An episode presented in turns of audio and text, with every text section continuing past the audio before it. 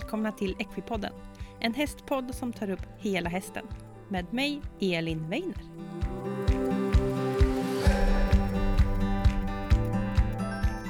Hej alla lyssnare och välkomna till ett nytt avsnitt av Equipodden. Idag så kommer vi få träffa Anna Racking. Och Anna hon håller på med sportkörning. Hon eh, tävlar i enbett och hon tävlar på den högsta nivån och hon är med i landslaget i Sverige. Anna är också tränare i sportkörning och hon är också lärare på gymnasiet i de olika hästämnena. Så Anna är verkligen en enorm källa till kunskap. Och I det här avsnittet så berättar Anna lite om vad just sportkörning är. Eh, hon berättar lite olika regler och de olika grenarna som ingår i sportkörning. Eh, sen kommer hon också berätta om hur hon tränar sina hästar och eh, tips till alla som håller på med lite körning.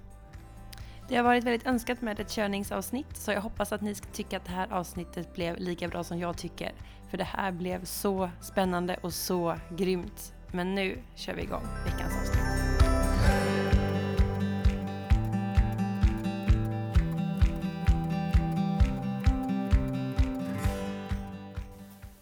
Så, då hälsar jag välkommen Anna Racking. Hej! Hejsan! Hej! Tack så jättemycket för att jag fick vara med. Kul att du vill vara med i Equipodden. Tack så mycket. Jag hoppas jag sa ditt efternamn rätt. Ja, den har ju ganska många eh, uttal på det där. Jag har Mm. fått nå en uppsjö av alla, men vi är Ja. bara två i Sverige som heter Racking. Så, Är det så? eh, ja, det är jag och min pappa. Aha, det är lite coolt faktiskt. Det är lite häftigt. Ja. Både på gott och ont att, att man är så, så eh, ensam om sitt namn. Alla känner apan och apan känner ingen. Känslan är ibland. Så kan det vara. Ja. Eh, och jättekul att du vill vara med och idag ska vi prata eh, körning och sportkörning, eller hur? Mm. ja, För precis. Det håller du på med. Ja, det är min, eh, min gren i livet har det blivit. Av olika anledningar. Mm. Och det är jättekul för det är många som önskat ett eh, sportkörningsavsnitt och eh, då har jag fått tag i dig vilket känns jättebra. Eh, men jag tänkte att du kunde få börja med att berätta lite om dig själv och hur du kom in på körning. Ja, eh, Anna Racking heter jag då. Eh, blir 35 i år. Eh, har hållit på med sportkörning sedan början av 2000-talet. Så det börjar bli en hel del år faktiskt. Eh, har alltid ridit vid sidan av eller egentligen haft det som grund men av olika anledningar har alltid små tuffa ponnyer kommit min väg och ett tag så var jag inne på ponnytrav när jag var yngre. Mm. Eh, så det är där egentligen ifrån körningen kommer Mm. på det viset. Eh, uppväxt på en 4H-gård och där red man ju och körde lite hejvilt höll jag på att säga. Men, men eh, sen så blev det ponnytrav för då hade jag fyra hästar i träning. Eller ponnyer i träning ska jag säga. Eh, och hade en ponny som inte sprang så fort. Han tyckte Mm. inte det var jättekul. Mm. Så av olika anledningar så slant jag in, eller en bekant till min mamma egentligen, sa att men prova sportkörning. Och då hette det körning bara. Mm. Sportkörning är ju ett modernt namn på det Mm. egentligen. Och så kom jag in på det och sen den här skettisen visade sig vara riktig klippa i dressyren faktiskt. Mhm. Och eh, 2003 tror jag vi hade våran peak typ med den och vi var Sveriges bäst, bästa shettis i dressyr. Nej, vad coolt! Jo. Ja. 98 centimeter hög. Eh, Duchef hette han. Han, ja, han gav mig mycket där. Han var världens coolaste lilla kille där. Ehm, så den vägen är det. Sen har det varit olika hästar och ponnyer genom eh, livet. Mm. Eh, gått på Vreta gymnasiet i Östergötland. Jag är ju östgöte då från Mm. början. Men bor nu i Blekinge sedan ja, åtta år, nio år nu. Mm. Mm. Och du tävlar körning på ganska hög nivå, Eh, ja. kan man säga. Jag tävlar ju på eh, elitnivå. Jajamän. Jag är del av landslaget. Ja, så det är ju ganska hög nivå. har det blivit nu. Ja. ehm, och med ponny enbett då, att jag kör en, Mm. en häst framför vagnen. Just det. Ehm, så jag har två hästar i stallet nu. Eller två ponnyer i stallet. Jag säger alltid hästar, men ja. Ja. Som jag tävlar med. Just det. Och eh, då kör du en i taget då helt enkelt. Mm, det är enklast så. ja, det är fantastiskt kul och jag har fått följa dig lite på Instagram när ni åker iväg på landslagsträningar och sånt där. Det är kul Mm. och jätteroligt att se. Mm. Eh, Men utöver att du tävlar så, så håller du också på med... eh, Du är körlärare, eller hur? Ja, precis. Eller egentligen är jag väl hästlärare på ett naturbruksgymnasium här nere. Blekinge naturbruksgymnasium. Mm. Ehm, och även C-tränare i sportkörning då. Mm. Ehm, så jag ju ut hästkunskap på ridning och körning på gymnasienivå. Mm. Så det är hästar hela dagarna Ja, kan man jag säga. förstår det. Helmarinerad eh, hästidiot kan man säga att man är. Så det, det är fantastiskt att bara kunna, kunna göra både och. Man Mm. släpper det liksom aldrig riktigt utan man, man är i det Mm. hela tiden. Jätteroligt. Mm. Eh, vad, vad har du för mål då med din egen tävling nu?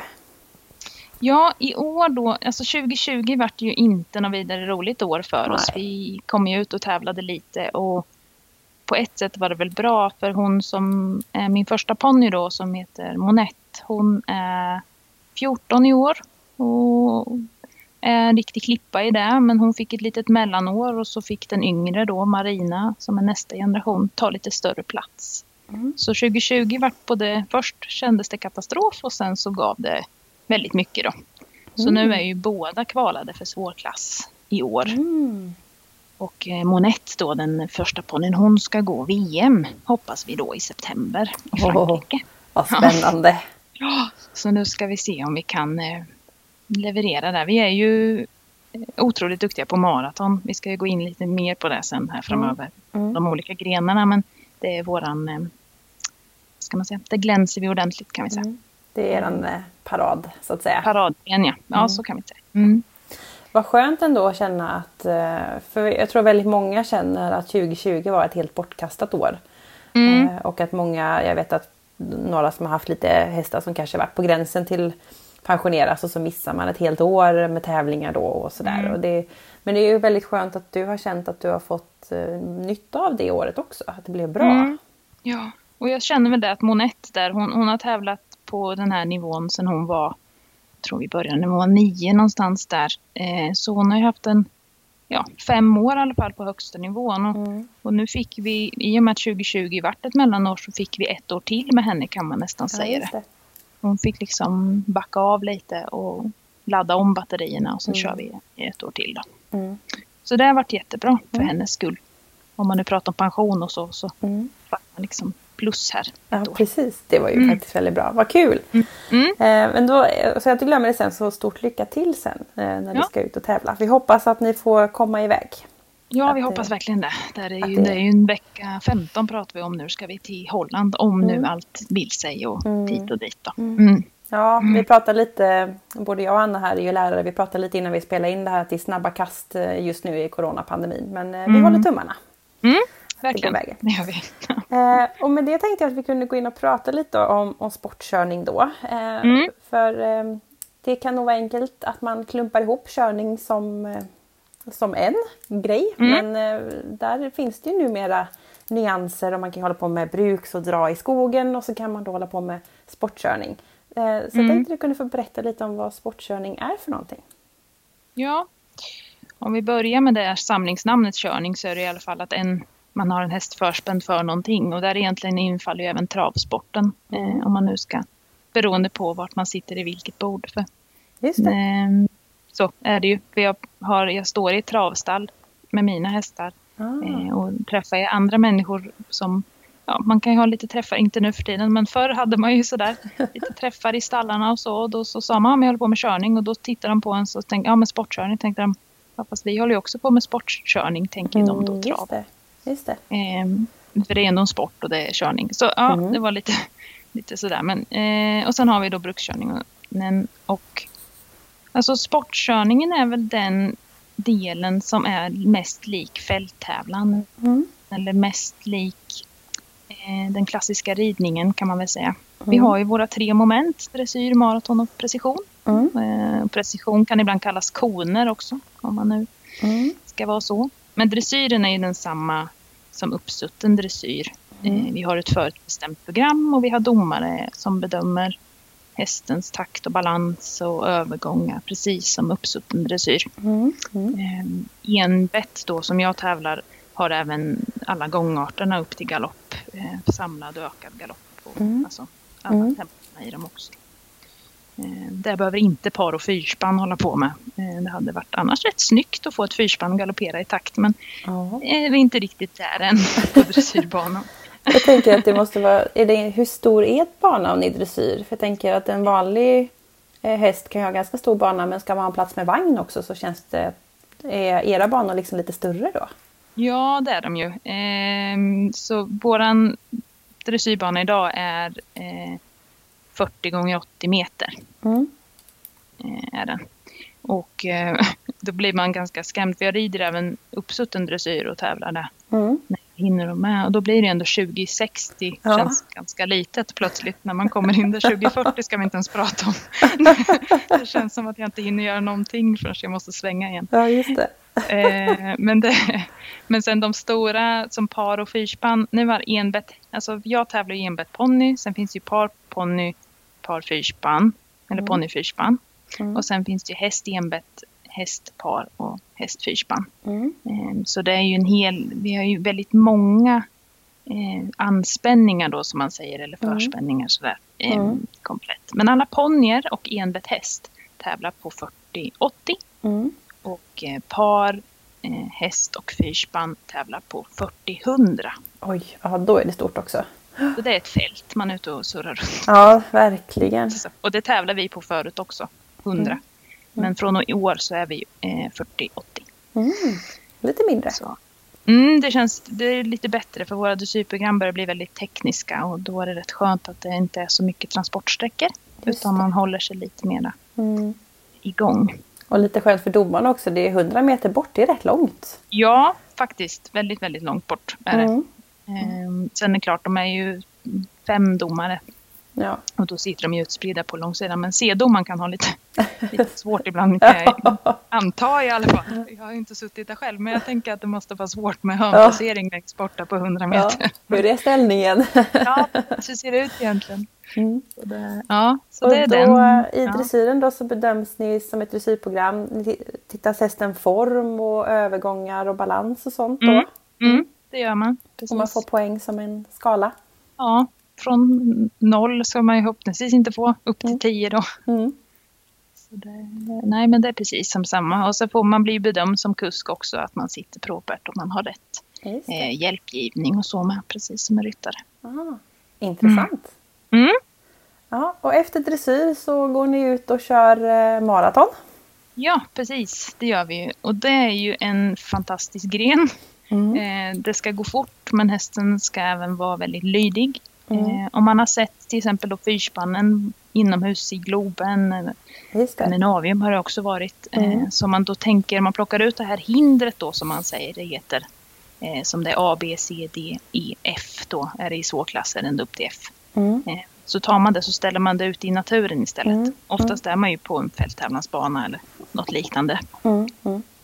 Och då har man en sträcka först där man ska komma in mellan en min och en maxtid.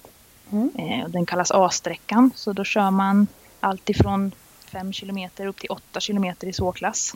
Mm. Eh, då ska man komma in på det här tempot. Och för oss är tempot 14 kilometer i timmen när Mm. vi ligger där ute. Mm. Eh, och så får man ju då den här min och maxtiden får man ju reda på. Så då räknar man ju ut då varje kilometer vad jag ska ha för, för tid. Så Just man det. vet att kommer in i, i tid Mm. också. Så håller du koll vart du är någonstans.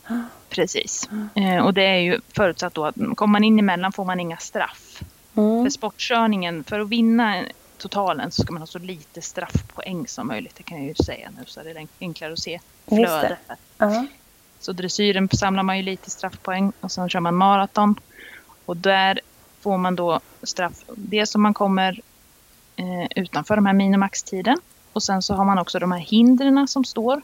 Mm. Och är det 8 kilometer sträcka även på, på B-sträckan som den heter då, som är hindersträckan. Mm. Eh, så är det åtta hinder. Så man kan säga att det är ett hinder per kilometer i regel. Mm. Och så kör man det hindret och där ska det gå så fort som möjligt. För där får man straff då. Beroende på hur länge man är inne i hindret. Mm. Så man kan inte köra maraton utan straff. Men kan man bara få straffen i själva hindren så är det ju Mm. bra. Mm. Precis, så lite som möjligt. Så lite som möjligt. Så fort som möjligt. Och det är ju där vi är snabba då. Kul! Det är där vi kan. Och eh, för ett antal år sedan var det ju VM i Göteborg och då gjorde man ju det här maratonmomentet i Slottsskogen. Och det var Just väldigt det. populärt och många som tittade på det. Mm. Och, då, och de här hindren de ser lite olika ut. Mm, det gör de. Eh, Det kan vara att mm, kanske du kan berätta, man ska svänga runt lite saker och det är vatten och sådär. Vill du berätta hur Mm. hindren kan se ut?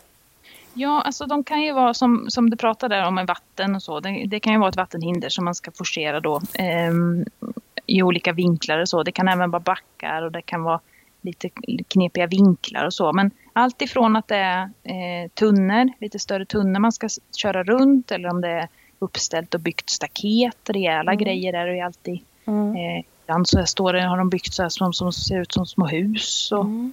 cementrör och det finns liksom en uppsjö av hur, hur de här olika kan se ut. Men det är kuber eller trianglar kan man väl säga egentligen Mm. som man ska köra runt för att ta de här portarna i rätt ordning då. A, Just B, det. C, D. Mm. Så Då gäller det att det- hålla koll på hur man ska ta sig in och så. ja, och man får ju gå hindren innan. Man Mm. måste ju gå de här och lära sig vägen Mm. Eh, dagarna innan man ska köra maraton. Mm. Sitter du själv i vagnen eller har du med dig någon? Jag har med mig någon. Mm. Eller någon, han, han är min man. Ja. Eh, Så Daniel har varit min grom nu eh, väldigt många år. Mm. Så han är rutinerad. Skönt. Och eh, en väldig trygghet i att man, man känner varandra. Och, och hade inte han stått där bak så hade inte jag kunnat köra så fort som jag vill. Mm. Ehm, för det är ju ändå det är väldigt mycket krafter och det är väldigt mycket G-kraft med, alltså utåt. Mm. Sådär, centrifugalkraft. Så, så de känner att de liksom trycks utåt och gäller att hålla i sig ordentligt. Mm. Ehm, och att han är på rätt sida också. För eftersom det lutar, han är grom som det heter då. Mm. Ehm, durkslav hette det förr i tiden. Det är, det är väl även på båt tror jag. Ja, När man seglar så heter det något sånt med tror jag. Ehm, men då är det, han gäller ju att han hänger i, i regel är det ju innekurva han ska vara på, innehjul. Mm. Ehm, men sen kan det ju vara så att det lutar dessutom. Så om jag ska svänga vänster i en kurva så måste han, eller i en, inte en kurva, vänster i en sluttning som lutar ner till Mm. vänster kan man säga. Mm. Då måste han ju ha vikt på höger Just däck det. också. Just det. Så det är ju, det är ju lite som rallycross eller Mm. något. Just Så det. enduro, ja, med sidovagn. eller Ja, något. Ja, precis. det, Och Ja. eh, att han då har lite till uppgift och att inte vagnen ska välta. nej, Eh. precis. Det är ju hans uppgift. Mm. Det är hans main. Ja, precis. ja, precis. Ja, så. Det har man ju sett på, på tv, de hänger där bak. ja, precis. Och det är ju, han är ju lika taggad som jag. Så Ja. han studsar ju nästan där bak. Vad roligt. Ja. Det är Ja. då han kommer till sin rätt. Och det är dressyren är han ju också med. Man ska alltid vara två på vagnen, Mm. ska jag säga. Mm. Så det är alltid en grom. Minst på vagnen. Mm. det är bra att veta. Mm. Och, och maraton då, det är både på tid och så är det hinder och så ska man ta sig så snabbt som möjligt inom den här eh, tiden. Precis. Yes. Mm. Och så får man straffpoäng och så tar man med Ja. sig det. Och, och sen går man in i det sista momentet då. Och det är ju då konerna, eller precisionen Mm. eh, som det heter. Och då är det som banhoppning egentligen, fast vi kör mellan koner. Och på Mm. konen ligger en boll. Mm. Och puttar jag ner bollen så får jag tre straff. Mm. Och sen är det ju snabbast tid. Eh, man ska ju vara inom maxtiden. Mm. Och sen om man är det och det är fler som är det så måste man vara snabbast och det. nolla. Det är lite som i hoppningen brukar man ju ha en tid på banan och går man över det så får man eh, fel då. Eh, men ni får straff. Och sen Mm. så, alla, så är det snabba snabbast som vinner. Mm. Ja. Mm. Och ponny enbart har snabbaste tiden. Mm. Eller snabbaste tempot. Mm. Det förstår jag. Det, Det går Mm, fort. så det går fort och vi börjar, så det känns nästan som man springer. Man kan tänka sig att man ska springa ett maraton, alltså ett löpmaraton och inte Mm. våra typ, i högklackat. Oj. Det är lite den känslan man har ibland när man ska liksom susa runt. För då är det ju, vi har ju olika typer av utrustning också. Mm. Ehm, dressyr och koner, precisionen, så ska vi vara, det var, ska vara tidsenlig klädsel. Mm. Vagnen ska vara en dressyrvagn med ofta större hjul och det är Mm. elegantare och dressyrsele och så här tjusigt och Ja. hattar och nu är det hjälm för nu är det hjälmtvång. Men Mm. annars förr var det ju hatt och man ska vara propert klädd helt enkelt. Mm. Mm. Och samma kläder gäller då i konerna. Mm. Då ska man också vara sådär tjusig, är Mm. det meningen då. Mm. Ja. Fast det ändå Men- går ganska fort. Ja, precis. Man skulle vilja använda maratongrejerna egentligen mm. för det känns som att man hellre skulle sitta lite lågt då som maratonvagnen och maratongrejerna är ju det är låg tyngdpunkt på vagnen och man kan liksom de är snedställda hjul och ja. skivbromsar bra. Alltså det är en helt annan... Lite träng, eh, mountainbike liksom. Ja, mm. precis. Och, och i konerna då, då är det två koner som ni ska köra emellan och ett visst mm. mönster. Mm, precis. Eh, hur mycket bana. plats är det i de här, eller hur mycket har man till godo så att säga mellan de här mm. konerna? Ja, då är det ju hjulvagnens bredd eh, mm. och i svår klass ska den alltid vara 1,38. Mm. 138 eh, centimeter bred vagn. Sen mm. i lägre klasser, klasser är det 125 och lite andra. Men, men annars är det ju vagnens hjul, spårvidden helt mm. enkelt. Mm. Plus eh, 25 centimeter i svår klass. Hoppas jag att det var nu. Det ja. vart jag osäker. Ja. Smalt i alla fall. Ja. vi säger så. Det är typ 10-12 centimeter då på sidorna som man har. Ja. Det är inte mycket. Nej, det är inte så mycket. Det är precis lagom. Och sen går det ju upp då, i lättare klass så är det ju mer bredd förstås. Så mm. man har lättare. Det. Så det gäller ju att man ska passera konerna eh, vinkelrätt rakt igenom dem. Man får mm. inte börja gena i dem för det är då det ramlar bollar. Då, då, ja. Det är inte så mycket till godo, nej. Gud vad roligt det här låter. Jag blir så himla ja, det inspirerad. Är, det är jätteroligt. Det är det roligaste man kan göra sittande. Ja. Ja visst. Sittande. det gör du bra. Ja, fantastiskt kul. Eh, och jag tycker sport, alltså just sportkörning verkar öka lite i Sverige och det är kul. Så jag hoppas att eh, lyssnarna på det här också känner sig lite mer eh, motiverade att kanske testa på. Mm.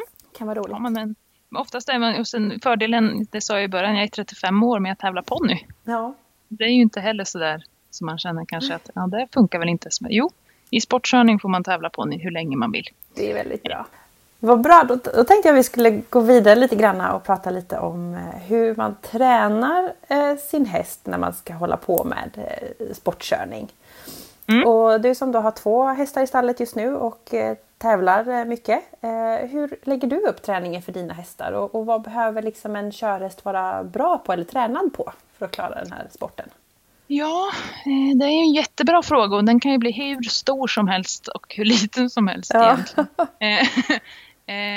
det är ju att man har en, en väldigt allsidig häst som, jag ska se, som både klarar av då att hålla lugnet i dressyren. Mm. Och kunna då eh, vara explosiv i eh, maratonmomentet. Och det är väl den svårigheten. Och jag gissar att fälttävlan har ungefär samma problem mm. egentligen med sina hästar. Eh, för det är ju sådana ytterligheter. Mm. Vad man behöver i sin mm. individ. Eh, men jag tävl- tränar mina hästar väldigt allsidigt. Eh, varierad träning. Det pratar ju alla de här stora heterna om. Mm. ska göra så mycket som möjligt. Och mm i och med att mina båda är körda så, så är de ju riktiga, nu hoppas jag ingen tar illa vid sig, men riktiga allroundhästar. De mm. går både att rida och köra. Mm. Ehm, vilket ger ju mig en stor möjlighet att kunna göra väldigt mycket olika grejer med dem. Just det. Just det. Så. Um, men uh, under vintern, vad ska man säga, från... Vi brukar göra sista tävlingen i september. Mm. Beroende på hur säsongen har varit och då brukar det bli lite längre vila på dem. Eh, och sen drar vi igång i december någon gång. November, december. Och startar upp dem för våran säsong börjar ju ändå, ja nu pratar vi om vecka 15 och det är april, mitten på april. Mm. Eh, och då ska ju hästen vara inte en, alltså, upplagd och vara i sin bästa form men den ska ju ändå kunna prestera på en på en ganska hög nivå då, Monett då främst då, den första Just hästen. Just mm. Ehm, så nu i januari håller man förhoppningsvis i alla fall igång. Det var, vi hade vi ju lite vinter och elände här. Mm. Även i Blekinge. Vi mm. brukar vara ganska förskonade. Men, men bara för en vecka sedan så var det ju svinkallt och massa snö. Ja. Det gjorde att man fick lägga om lite träningen och känna att hur ska vi göra nu?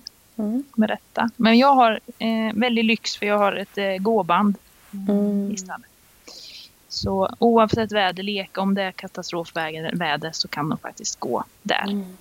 Så slipper jag fundera så mycket på då har de i alla fall gjort någonting. För det är ju inte så att de rör sig så värst i hagen när det är sånt väder. Nej, tyvärr är det ju så. Ja, de står ju där vid grinden och tycker att ja, när kommer maten? Ja, precis. När får jag komma in? när får jag komma in och när kommer maten? Det här är inte något för mig. Ja, precis. Men eh, ja, februari brukar vara nu då att vi kör igång med lite mera kondisträning och Mm. börjar liksom öppna upp eh, de bitarna. De är ju grundkondisen sitter ju utan det är mer att Mm. sträcka ut lite mer kan Mm. man säga. Mm.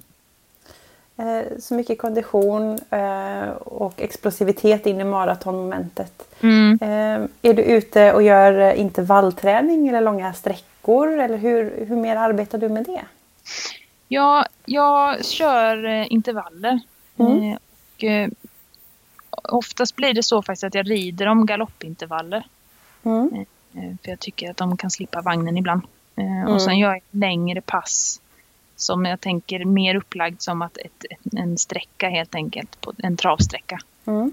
Eh, Och då har jag ju då, då är jag ute med vagnen. Så de får lite, lite mil i benen kan man väl säga. Mm. Ehm, och det är nu också att man börjar med att man kommer ju inte så långt på vintern. Det blir mörkt och det är fort och det är liknande. Så man ligger, mina vardagsturer då blir ju ja, 3-4 kilometer. Fyra Mm. kanske. Mm. Eh, och nu vill man ju dubbla där då, så det börjar liksom sträcka ut så de får någon mil i benen i veckan. Mm. alla fall. Så det är liksom Mm. utöver då den andra träningen. Mm. Och sen som sagt så är det galoppintervaller i backe. Har jag. Mm. Med vagn eller utan? Utan. Mm. Utan vagn. Eh, utan då är det den här 300 meter lång backen. Oj, ja, i lite upp och lite ner. Den är inte spikrak rakt upp utan det går lite upp för hela vägen kan man väl säga. ja, det var de Eh. segaste. Ja, lite så. Så de får ta i lite och sen skrittar man ner då. Mm. Eh, och jobbar mycket med pulsklocka. Mm. Så det har jag på dem med så jag ser vad som händer och hur fort de går ner. Framförallt använder jag dem främst som en så man ser att pulsen kommer ner ordentligt mellan Mm. intervallerna. Och desto fortare pulsen går ner desto bättre kondition brukar man säga va? Precis. Mm.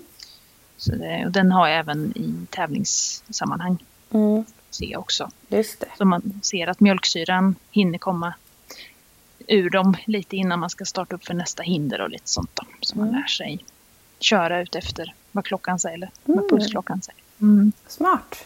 Mm. Lite små knep sådär man får hitta. Mm. Men det kan också ställa till det. Det gjorde det en gång i Belgien. För då Mm. körde jag mer på pulsklockan än vad på min andra klocka. Så det vart lite det vart straff på den sträckan för att jag Ah, skrittade lite för mycket. Men eh, ja, man lär sig alltid någonting. Ja. Alltid är det något. Alltid är det något. Man gör inte om det. Nej, precis. Men det är bra att ha med sig då. Det är ett jättebra verktyg och tips om man håller på med körning. Eh, och jag har även intervjuat en eh, distanstränare. Hon pratar också Mm. mycket om det här med pulsklocka. Och det är jättebra att ha med sig det i träningen. Att veta, okej, nu ligger pulsen så här. Hur känns hästen? Vad kan jag göra nu? Så att man kan ha Mm. med sig det. Det är ett jättebra verktyg. Ja men det är verkligen det. Den är, det är lite kostsamt att köpa inare. De kostar ju en del men, men eh, det, det är ändå värt det. Och ibland kan man faktiskt ha tur att hitta lite begagnat med. Så, Mm. så nej, det, jag har på, från Polar. Mm. eh, Deras. De har ju även för travare tror jag, en sån specialklocka. Men jag köpte en sån här. Det var en som sålde en billig pulsklocka med band till människa. Mhm. Och sen kan man bara köpa till bandet till häst. Ah, smart ja. Så då vart det inte så dyrt faktiskt. Nej precis, för själva klockan på armen är ju samma.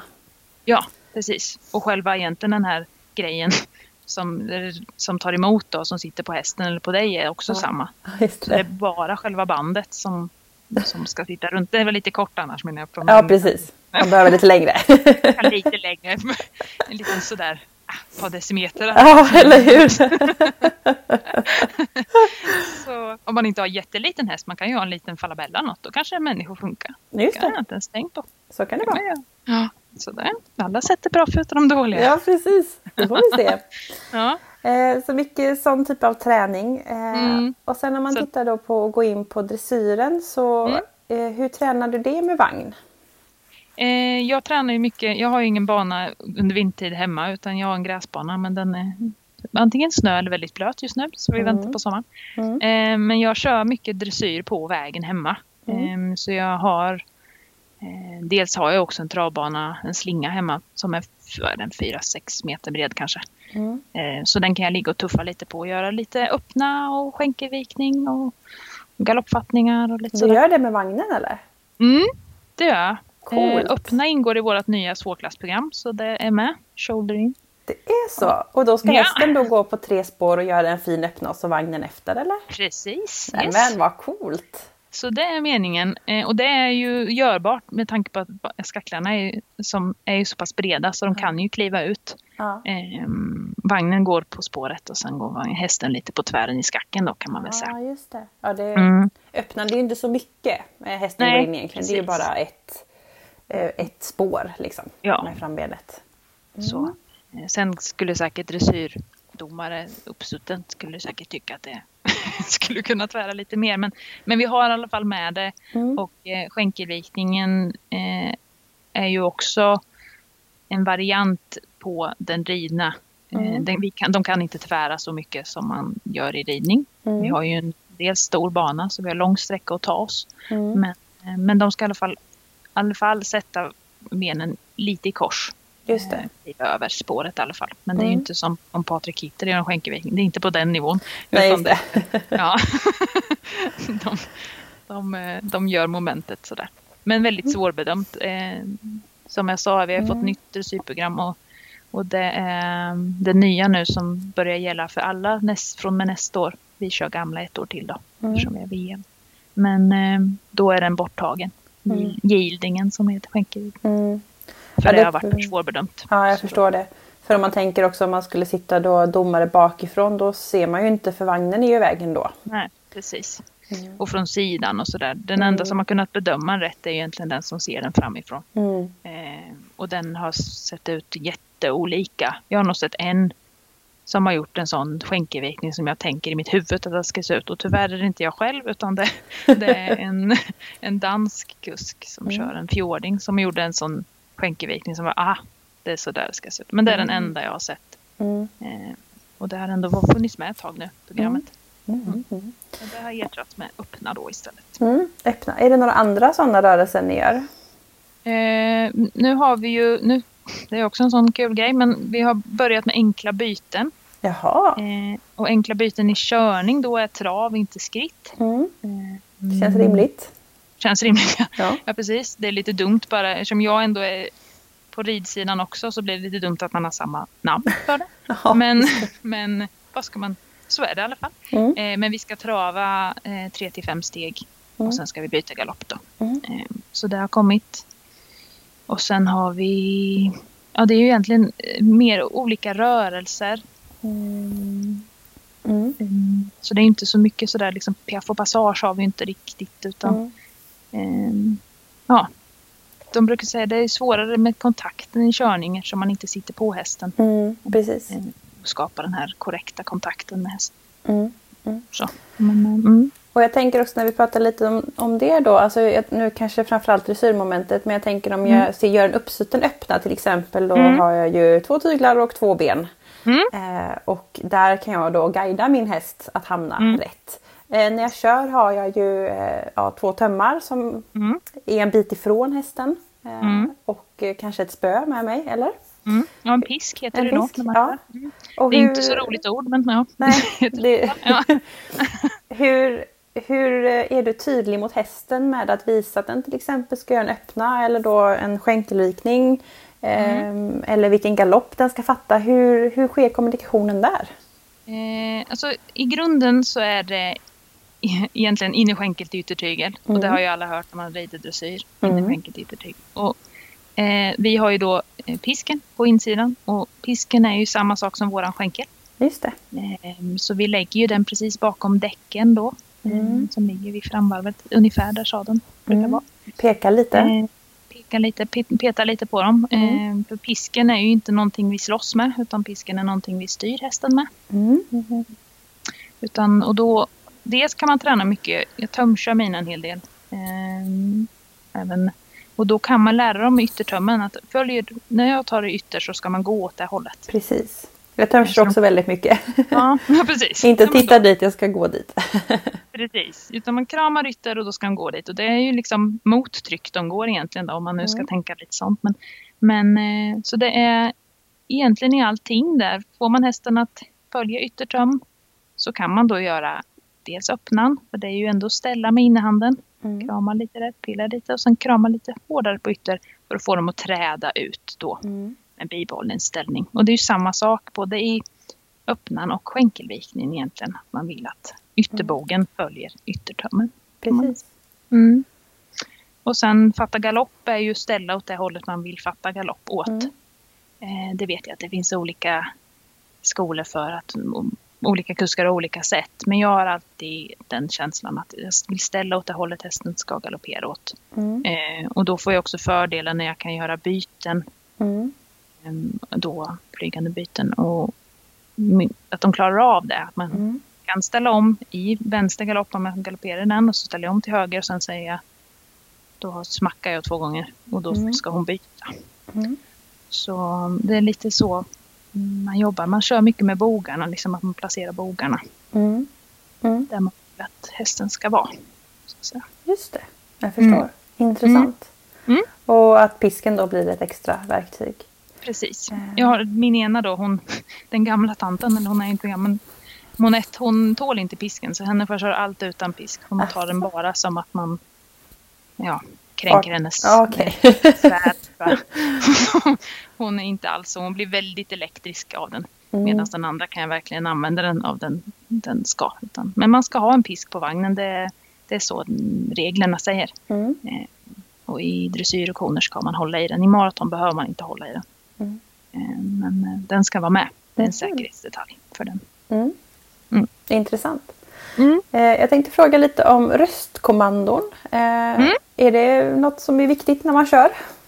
Mycket. Mm. Det var bra att du sa det. det man, man pratar så mycket. Men eh, det är klart att eh, det är väl en sån där stor grej egentligen som skiljer sig från ridningen och körningen. För att jag tömkör även andras hästar eh, och hjälper andra att lära sig tömköra. Och så här. Och de pratar ju inte, man rider sin häst så pratar man inte, eller man använder inte röstkommandon på så ofta. Nej, precis.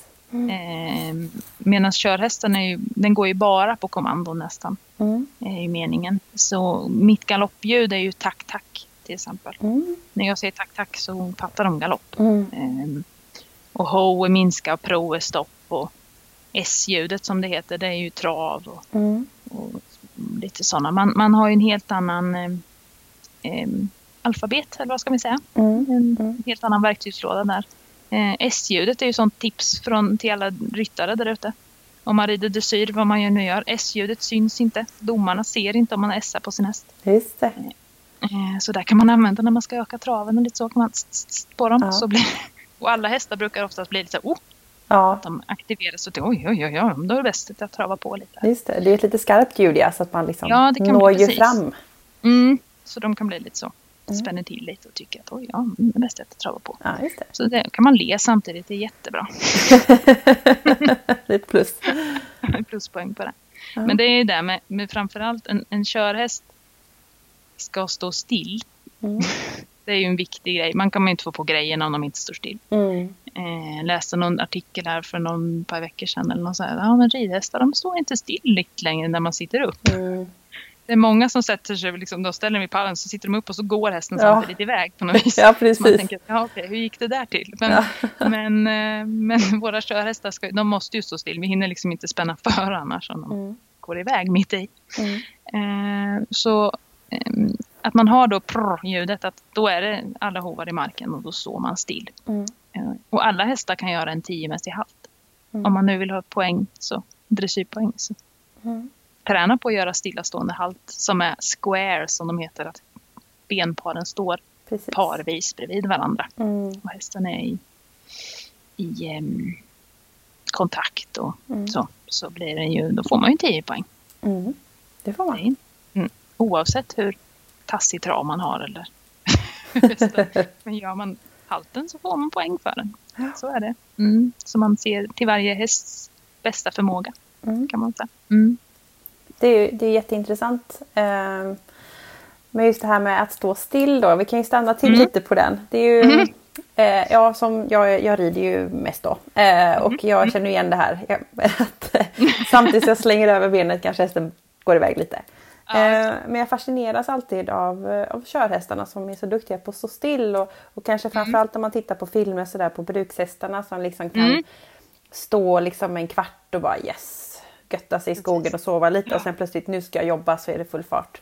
Ja. Har du något bra tips på hur man kan träna om, antingen om man har ridhäst eller om man eh, håller på med körning just att få den här av och på att kunna stå still? Ja, ehm, konsekvent. Att man måste vara konsekvent alltid. Mm. Eh, man får heller aldrig bli arg. Mm. Ehm, för halt kan bli en, då blir det, man blir irriterad och arg och liksom korrigerar med ilska. Det är ju alltid så egentligen. Men, men just i halten då kan det bli en ond cirkel av det. Mm. Eh, men ha en, en plats där man alltid gör halt. Om man ska sitta upp till exempel. Ja, men då, då står du still och jag sitter inte upp förrän vi står still. Mm. Och ska stå still kvar hela tiden medan jag sitter upp. Mm. Så det egentligen är det bara att vara konsekvent. Eh, mina hästar, jag har, alltid, jag har haft problem med det. För Mm. att man blir slarvig och för varje gång man är lite slarvig så Mhm. blir problemet större för varje Mm. gång. Just det. Man tänker, ja, men det, idag, vi skiter i det idag. Vi har lite bråttom. Det, Mm. det går bra. Mm. Eh, Men för varje gång så bygger man det här problemet. Eh, Och för min del och för körhästarna så kanske det finns olika knep. Men jag har i alla fall kommit på att, att man tömkör dem istället. Man sätter på alla grejer när man ska ha. Alltså Mm. skygglappar kör jag med mina hästar. Mm. Har man inte det så gör man inte. Men, men sina körgrejer. Mm. Och så tömkör man ut och så tränar man halt. Mm. Och då ska hästen stå still. För då Mm. slipper man också det här med att vagnen börjar kränga. Mm. Vagnen i vägen och de börjar hänga lite bakåt och trycker lite och sådär. Mm. Men de ska bara stå still. Och att man själv då tänker vi pratade ju lite om det innan vi började inspelningen med den men- mentala biten. Mm. Att man själv också bara så här, "Pff, nu står vi still. Mm. Vi gör inget annat. Och så står man still. Och så, jag hade alltid så att jag ska räkna till tio. Mm. Och om hästen börjar röra på sig då får jag börja om. Just det. Så hästen ska stå 10 sekunder innan vi går oavsett. Ja. Så får man ha tid på sig. Det gäller ju att ha liksom en sån här, någon timme på sig. Alltså man kan inte ta det här när man har så här, ja, jag har lite kort med tid här. Utan så, nu tränar vi halt. Ja. Men det är ett ganska bra tips att göra typ att okej idag vill jag inte rida, idag ska hästen vila till exempel. Att man okej Mm. då går jag ut och tränar halt. Ja, ja precis. Det väl jättebra. Mm. Och att man har då ett ljud för att stå still. Vad Mm. man nu har. Det. Ehm, och samma sak att man har ett ljud och gå igång ur skritten. Mm. Ehm, eller man har, när man rider så kan man ju stunta i ett ljud. Då kanske man lägger på benet. Men, men ett ljud att stå still är alltid en fördel. Mm. Ehm, jag har, har prr som att stå still då. Ehm, och sen att gå igång har jag. För Mm. det är också ett mjukt ljud. Man kan Mm. göra det mjukt, man kan göra det lite skarpare. Men man kan ändå ändra ljud, Mm. man säger det. Till skillnad från smackningen, för den är ju ganska tjoho. Det blir Ja. väldigt mycket tryck i en smackning. Utan så kan man ändå få en mjuk igångsättning. Mm. Det var också ett jättebra tips. Mm. Man vill ju en smackning, ibland kan man ju se om man har gjort en halv timme smackning så hela hästen rycker till så oj så börjar den gå. Ja. Och det är inte Mm. så snyggt kanske. Nej, Eh, nej, det är inte så skönt heller för någon inblandad tror jag. Nej, Men det är liksom, precis. "Ah, shit, hon sa någonting. För, ja, för de står ju ändå lite på vakt och väntar på. För Mm. de vet ju att snart ska jag gå, snart ska jag gå. Just det. Så de står ju bara och väntar på att man ska säga något. Till skillnad från när man kommer hem och man har kört eller ridit sin tur och ställer sig framför stallet. Då kan de stå där hur länge som helst parkerade. Liksom. Så, nu är vi klara. Det går bra. Ja precis då. Somna Inga då. problem. Så det är lite skillnad på vart man gör halten också. Mm. Och när. Mm. Just det. Ja, men Mm. Jättebra tips. Mm. Eh, och, och dressyr då, nu rider du ju också då såklart men Mm. eh, köra dressyr och så är ni ute mycket i skogen. Gör ni något Mm. annat för, eh, som träning för hästarna? Gå på band sa du ju där men om man inte har det till exempel. det- med. Precis, vad gör jag mer? Jag gör så mycket. Ibland undrar man ju om man gör för många saker. Eh, jag, jag är väldigt förtjust i bara gå rakt ut i skogen. Mm. Inte gå på någon stig utan bara gå ut och köra lite slalom, rida eller tömköra då. Det är Mm. svårt att köra vagn. Mm. Eh, mellan träd. Mm. Göra lite snäva svängar, ta dem lite runt träden och sådär. Det är ju Mm. lite sånt man jobbar med unghästar när man Mm. rider in. där. och det, men sen försvinner det för vuxna hästar. Men det är väldigt gymnastiserande att de får lyfta och, och på fötterna och svänga samtidigt. Och det, det finns något väldigt naturligt för Mm. dem att göra på Mm. det viset. Verkligen. Det tycker Det- jag det är väldigt, sen är det ganska kul, speciellt med tömkör där bak, att man själv får Mm. lyfta på fötterna och traska på och Precis. planera och, och sådär. Ja, att vi själva är lite fys på oss också. Att vi får lite träning med. Ehm, och sen får man tänka lite med huvudet med. Att man, man, Mm. man själv måste veta vart man är på väg. Mm. Man måste bli lite snabbare. Jättebra att träna just för, för maraton är det väldigt nyttigt för hästarna att, och för Mm. dig själv. Mm. eh, styra och tänka framåt och var ska jag sen och när svängde vi och lyft på fötterna. Och, Mm. Just det, ehm, så. jätteintressant. Det är nyttigt. Eh, jag tänkte, för du är ju också tränare i körning eh, Mm. och eh, hjälper folk att bli bättre på att köra. Ja, ja. Höll jag på att säga. Ja, det var- Jag bara, vad ska jag säga nu? Ja. Så blev det det. Ja.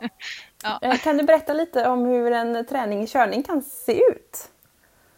Eh, ja, det kan ju se väldigt olika ut. Ska, Mm. Men, men eh, Jag Vad tänker, jag- man, om man, eller ni kanske tränar dressyr eller i skogen och, och hin, åker du med i vagnen eller står du bredvid och ser Mm. du allting sådär på avstånd? ja, alltså i regel så, så här års blir det ju mest dressyrträning som underlaget ute och så är lite hej och. Mm. eh, Men eh, då brukar jag stå mest på marken och Mm. assistera och hjälpa den vägen. Eh, ännu mer nu under coronatider, man ska helst inte vara nära varandra. Nej, just det. Eh, mm, och bilda mig en uppfattning därifrån. Har ju, är väldigt förtjust i koner. Mm. eh, av att hjälpa sätta upp en bana som oftast löser hästarnas bekymmer och även kuskarna. Det är aldrig en, bara hästens fel. Oftast är man själv sne och dan, Mm. eh, olika stark och sådär. Mm. Men när man sätter upp en, en förutbestämd mönster så brukar det oftast, eh, om man ger det lite tid så släpper det efterhand. Favoriten är flugan. Eh, Mm. Som jag ofta använder. Jag tror alla mina elever stackarna har blivit utsatta för den. Men den går också att använda i en uppsjö av olika sätt. Och det, om man nu ska förklara den så är det... Eh, nu har ju vi inte några 40-80 ridhus, så många i Sverige. Men Mm. om vi nu ska ta ett vanligt ridhus ehm, så är det, eller ridbana, så är det stora mittvolten. Mm. Och sen följer man långsidan upp och så gör man halvt igenom. Så man kommer tillbaka där stora mittvolten var. Mm. Så gör man en volt. Och så följer man fyrkantsspåret och så gör man halvt igenom. Och så gör man volt. Mm. Så då blir ju då halvt igenom är ju vingarna. Ja, precis. Mittvolten är kroppen på flugan. Mm. Eh, den finns ju i ridning med. Mm. Man finns, jag tror jag hittade den på Hipson någon gång och sådär. Men de, de lägger en liten, man kan ju ändra och vända och vrida på den lite som man vill. Lägga in tempoväxlingar på raka spår och Mm. öka och minska volten. Så den, den är sån en eh, go-to-övning, Mm. ska jag säga. Den använder jag mycket av. Mm. Eh, Men ofta ett mönster och med många sådär tempoväxling dit, sakta rakt i trav, lägger in en baktidsvändning. Eller, alltså att man, man aktiverar kusken så kusken har någonting att göra hela tiden. Istället för att det bara ska bli att de, bara- det bara rullar på. Det är väldigt bra att, eh, att variera sig och just att aktivera hjärnan själv. Mm.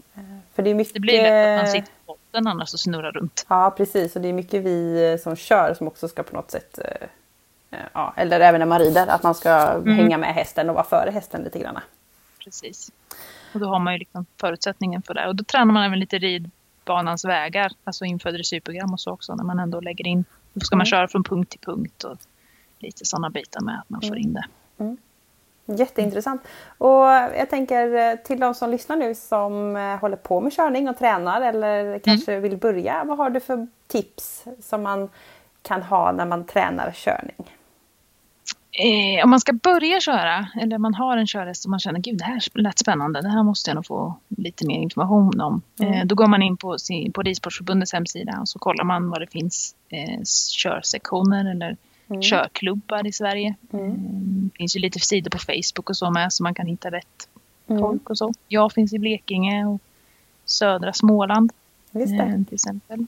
Ehm, sen finns Skåne är ju jättestort, hur mycket som helst. Mm. Mm, som vanligt i allt i häst. Japp. Men ehm, ofta att vi är utspridda. Det finns på västkusten och eh, Jönköping och lite överallt. Så det är bara att liksom försöka leta rätt på oss. Eh, vi är ett fantastiskt eh, flock med människor som håller på med sportkörning. Vi hjälps alltid åt och det finns alltid det finns liksom inga hinder. Man, man kan alltid fråga Mm. Oavsett vilken nivå vi är på. Så ställ frågan. Vi kanske ser lite barska ut men det är bara att ställa frågan. Det är bara Mm. för att vi koncentrerar på något. ska göra vad det nu ska kunna vara. Utan det är bara att liksom hugga tag i oss. Så löser vi det. Mm. Eh, Men ja, det är väl egentligen det. Att hitta någon som kan hjälpa en framåt. Mm. är väl mitt tips. Att hitta Mm. någon klubb eller något liknande som man kan träffa likasinnande. Och gärna att man, man kanske kommer och tittar på någon tävling och man kanske på någon träning och sådär så man får en liten uppfattning om. För vi är ju, det börjar vi med, det är ingen stor sport. Vi är Mm. ju ganska få Mm. på ytan av Sverige men ändå det kan vara trevligt att få lite inblick i vad vi håller på med Precis. innan man kommer med sin egen. Så att säga. Och Mm. eh, jag tycker det är väldigt kul att höra du som både rider och tävlar i dressyr och sen då Mm. har körningen att, att det ena utesluter inte det andra. Nej. Nej, det kompletterar väldigt bra. Eh, Mm. Man, kan ju man löser ju hästen på ett helt annat sätt när man sitter på. Mm. När man, eh, man, kan, man kan korrigera dem med sätet och man kan bromsa dem där istället. Annars det blir ju lätt mycket hand Mm. eh, i körningen Mm. med tanke på att man kan bromsa upp. på samma. Det är ju lydigheten på rösten där men det är inte alltid de är det. Mm. De har ju dagar de också. Ja. Så jag tränar ju uppsutten dressyr eh, här Mm. nere då med mina. Så det, Det är jättebra. Och kan man komma Mm. med vilken häst som helst? Ja, eh, de, de, ja, alla hästar kan bli körhästar. Det kan ta bara lite olika lång tid brukar vi säga. Ja. Eh, jag vill inte liksom ta bort någonting. Vi har ju alla, alla raser är välkomna. Vi har allt ifrån, ja, jag vet inte, men alla raser är verkligen representerade nästan i körningen. Kul. Det är bara individen som, ja. och personligheten som avgör om de passar som körhäst eller så. Mm. Precis. Förr körde man ju alltid in alla hästar som små. Mm. även halvbloden. Mm. På Flyinge och sådär kördes de in. Alla kanske inte kom i vagn men man gjorde i alla momenten. Och det Mm. har ju försvunnit lite tyvärr. Ja, Till och med nordsvenskarna är ju inte alla inkörda längre. Det tänkte man ju var någon sån här självklarhet. Mm. Mm. Alla är, kör man väl in. Men... Och det är lite synd. Mm. För det är väl det som gör att sporten hämmas lite med. Det är lite brist på riktigt bra körhästar. Ja, och, och har, man, har man en häst som aldrig är körd så är det ett litet projekt innan man kan eh, komma igång. Eh, Ja, så att säga. Ja. Men nu Så. finns i alla fall, alltså utrustning och så har blivit mycket billigare eh, mot Mm. när jag började. Då var det ju exklusivt med en, en bröstsele. Eller liksom så. Men nu finns det många importörer och selar.se till exempel har massor importer. Och, Mm. alltså det, man, man får tag på selar på olika sätt och även vagnar finns det importörer för nu. Så, Mm. så det är en helt annan, mycket begagnat och sådär med. Så man kan ändå köpa en vagn och en sele för 15. Mm. Det är bra. Och det är ju vad en, riktigt, vad en sadel kan kosta idag Ja. också. Så det är ju liksom inte så där, man behöver inte känna att det är oh, 50-60 tusen är det inte Mm. längre utan man kan komma undan billigt Mm. och komma igång i alla fall. Så kan Mm. man så, kanske vilja byta framöver men det Ja. är ju inget man måste. Nej, men något att börja med. Men inte börja med. Precis, jätteintressant. Ehm, Mm. Nu har vi pratat en stund. Jag tänker vi ska börja runda av. Och eh, inför det här avsnittet har jag fått en del lyssnarfrågor. Och de flesta har vi nog bakat in här tror jag. Men jag tänkte Mm. jag skulle plocka ut en. Mm. Eh, och då är frågan då, vad är det bästa med körsporten tycker du? Ja men den är ju, den är ju så allsidig. Mm. Eh, man måste träna hästen på olika sätt och man måste alltid ha problemlösningen framför sig. Eh, att kunna göra det här tillsammans med sin häst både och sen att de också kan rida och köra är ju det som gör det här eh, extra spännande. Mm. Och det samspelet man har med sin häst Mm. när man sitter bakom och inte på är också en helt annan grej. Mm. än Sitter på. Det är en ny värld.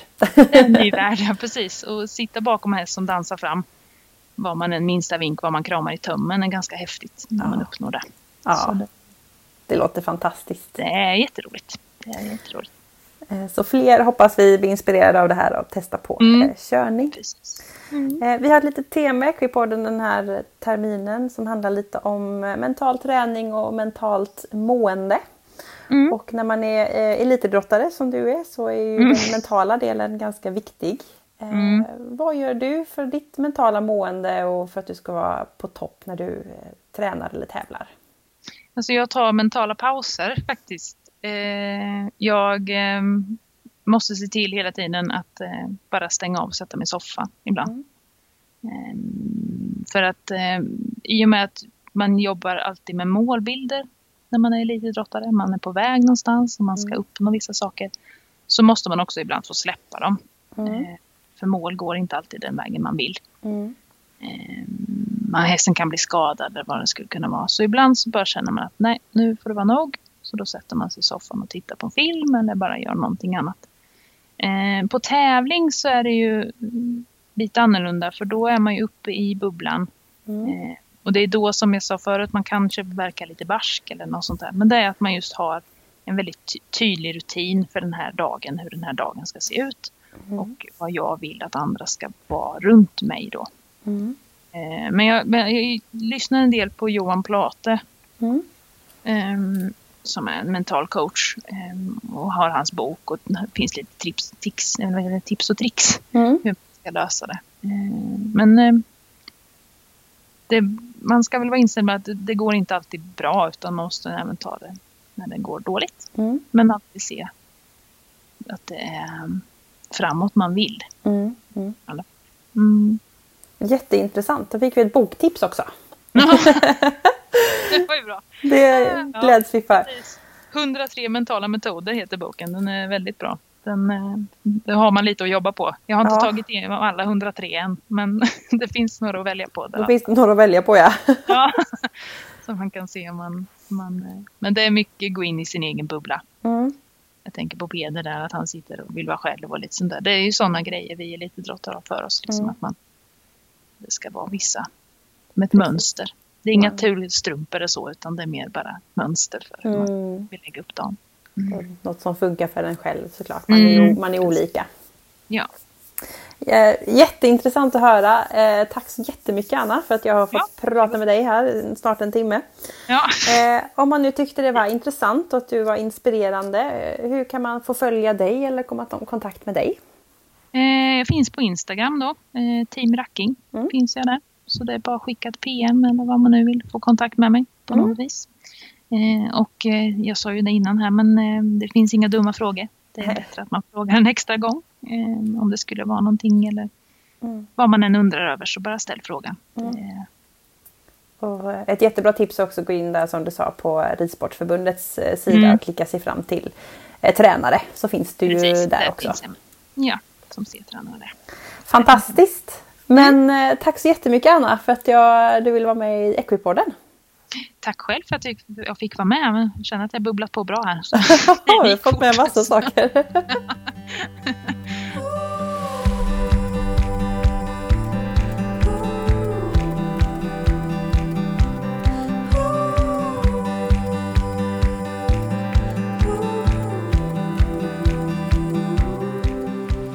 Stort, stort tack Anna för att du vill vara med i Equipodden.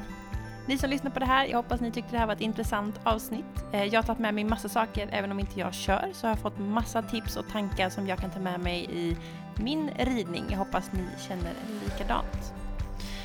Och som sagt, vill man följa Anna, då är det Instagram, Team Racking. Och glöm inte också följa Equipodden på Facebook och på Instagram för att inte missa några nyheter från podden. Nästa vecka så är det hoppning som gäller och eh, jag träffar och intervjuar en B-tränare i hoppning. Det är också ett grymt spännande avsnitt.